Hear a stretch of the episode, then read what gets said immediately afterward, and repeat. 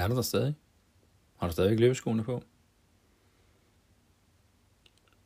Det er erhvervsøkonomi. Det er Helsingør Gymnasium. Det er aktier. Det er Claus Jacobsen. Det er podcast.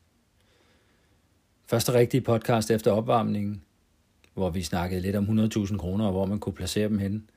Så skal vi nu til at se på aktier. Hvad er det egentlig for noget? Når du er færdig med at høre den her podcast, så ved du, hvad aktier giver rettigheder til. Du ved, hvad fordelen er, også ulemperne. Du ved også lidt om, hvor du kan købe dem hen, og hvem du i øvrigt er konkurrence med, altså hvem der også køber aktier. Så lad os komme i gang. Første spørgsmål er, hvad er en aktie egentlig?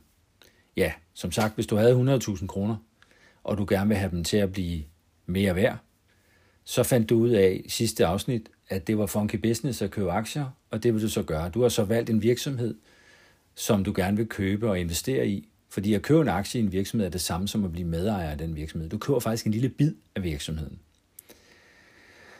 Vi skal nok komme tilbage til, hvornår en kurs er rigtig at handle en aktie til. Fordi det er det, du gør, når du køber en aktie. Så køber du det til det, man kalder en aktiekurs. Den aktiekurs, den skifter hele tiden. Den er afhængig af rigtig mange faktorer, og det er noget, som mange mennesker har brugt mange af deres liv på, eller store dele af deres liv på at finde ud af og prøve at forudse. Og lad os bare være enige, at det kan være svært at forudse, hvad kursudviklingen på en aktie skal være. Men man kan have nogle idéer om, hvad for nogle virksomheder, der var gode at købe i, og derfor har man også nogle idéer om, hvad for nogle aktiekurser, der måske vil blive bedre henover de næste par år. Så du bliver medejer, og det giver dig mulighed for to ting.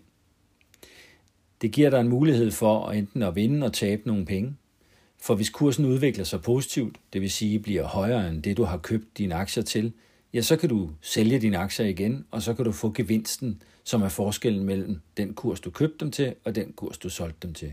Ganske simpelt og ganske nemt. Så det er jo super fedt. Men i det ligger der jo også en risiko for, at kursen kan falde. Nu bestemmer du jo selv, hvornår du vil købe og sælge aktier. Øh, og hvis du ikke har noget problem med at lade aktier eller din kapital eller dine penge stå i aktier i et godt stykke tid, og er meget fleksibel om, hvornår du har brug for dem, og derfor ikke er presset til at sælge dem på et bestemt tidspunkt, ja, så har du større chancer for at lave gode handler. Men øh, udfordringen kan lidt være, at hvis du skal have penge ud, øh, og det er jo en del af fordelen ved aktier, det er jo, at man kan købe og sælge dem øh, fra dag til dag, og det vil sige, at du kan få penge i hånden meget hurtigt. Så skal du måske bruge øh, penge til en lejlighed, eller til noget, du godt kunne tænke dig, og dermed så gerne vil købe det, og så dermed sælge nogle aktier for at få penge til det, ja, så kan du komme ud i den situation, at aktien lige på den dag er lidt lavere, end da du oprindeligt anskaffede dem til. Så du kan altså også tabe, og du kan tabe rigtig mange penge på aktier. Men du har valgt, at det her det er den bedste form for investering, og du synes også, det er en lille smule fedt, fordi det giver et lille boss, og det er, du kan følge med i det, og du kan selv bestemme det, og det er hurtige penge, som man kalder det. Du bliver med her, så du har altså rettigheden til at købe og sælge din aktie, og det vil sige, at du kan altså selv bestemme, hvor meget du vil tjene og hvor meget du vil tabe. Men det gode ved aktier er sådan set også, hvis du har valgt en god virksomhed, som giver overskud, så gør virksomhederne oftest det, at ud af det overskud, så vælger de at tage nogle af de penge, og så give til aktionærerne en gang om året. Det gør de typisk i forbindelse med det, vi kalder generalforsamlingen, som er et møde, man skal indkalde til. Det vil sige, at du får et brev i din e-boks, der hedder, at du er nu velkommen til at komme til virksomhedens generalforsamling og høre på virksomhedens øh, øverste ledelse, det vil sige bestyrelsen og direktøren, om hvordan det er gået. Øh, du bliver formentlig øh, budt på et eller andet sandwich eller et glas vin måske. I gamle dage var der noget helt andet. Der var der cigarer, whisky og underholdning og det hele. Det var virkelig fedt.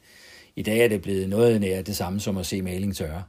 Men øh, ikke desto mindre, så har du altså ret til at komme til den her generalforsamling en gang om året. Find ud af, hvor mange penge, som virksomheden giver dig i udbytte, for at have den aktie og for at være medejer. Og samtidig med det, hvis du er hammerende utilfreds, kan du bare stille dig op på talerstolen og fortælle dem, at de skal fyres hele bundet, og så kan du gå ned igen. Du kan også øh, gå op og sige tak for den ekstra pose penge, og sige, at de gør det rigtig godt. Valget er dit. Men den mulighed har du, så du får altså et udbytte en gang om året, når du er aktionær, og du har altså også muligheden igen for at købe og sælge på det rigtige tidspunkt. Det vil sige, at du har rettighederne til selv at finde ud af, hvor meget du vil vinde i aktiekursen, og hvor meget du eventuelt også vil tabe. Det var aktien. Så det er altså et stykke papir. Det var det i gamle dage. Når man købte aktien, så fik man et brev retur, hvor der stod, at du er nu den lykkelige ejer af en virksomhed, og aktiens værdi er købt til den og den pris. Tillykke med det. I dag er det sådan, at når du handler aktier, så gør du det typisk gennem din netbank eller via nogle handelsplatforme, som kan hedde sådan noget som E2 eller Saxo Investor eller Nordnet eller Plus 500 osv. Du kan selv gå ind og google på det og finde ud af, hvad for en platform, der er bedst. For hver gang du handler, så skal du betale en lille smule på de fleste platforme, end det, det man kalder kortage eller et gebyr. Øh, men du kan i hvert fald handle bare ved at oprette en profil og sætte nogle penge ind på kontoen, og så er du i gang. Så skal du rundt og finde ud af, hvad for nogle øh, aktier, der er smartest, og det vil sige, at du skal ind på de enkelte landes aktieindekser og finde ud af, hvad for nogle virksomheder bliver handlet. Du kan jo kun købe aktier i virksomheder, som er noteret på nationale børser. Så skal det være amerikanske aktier, så er det, øh, så er det en amerikanske aktieindeks, du skal ind på. Øh, hvis det er danske aktier, altså danske virksomheder med danske aktier, så skal du ind på de forskellige indekser, der er inde på Københavns aktie øh, børs derinde. Så du kan altså handle kvitterfrit øh, via nogle platforme på internettet. Øhm, og det gør øh, mange privatpersoner, og øh, de er så også i konkurrence med store pensionskasser, det vil sige dem, som forvalter din fars og mors og din egen pension, når du kommer dertil. Det vil sige, at de har en masse af penge liggende der, som jo på et eller andet måde skal ud og yngle. Så de investerer også i aktier. Der er også investeringsforeninger, som øh, investerer i aktier for rige mennesker. Det er det, vi kalder formueforvaltere osv. Så de sørger sig for, at deres formue bliver mere værd hvert år, hvis de er dygtige. Det er også virksomheder, der kan købe aktier. Altså virksomheder kan købe aktier i andre virksomheder. Fordi virksomhederne har måske et overskud, og de har måske et kapital, som de gerne vil have ud og blive mere værd.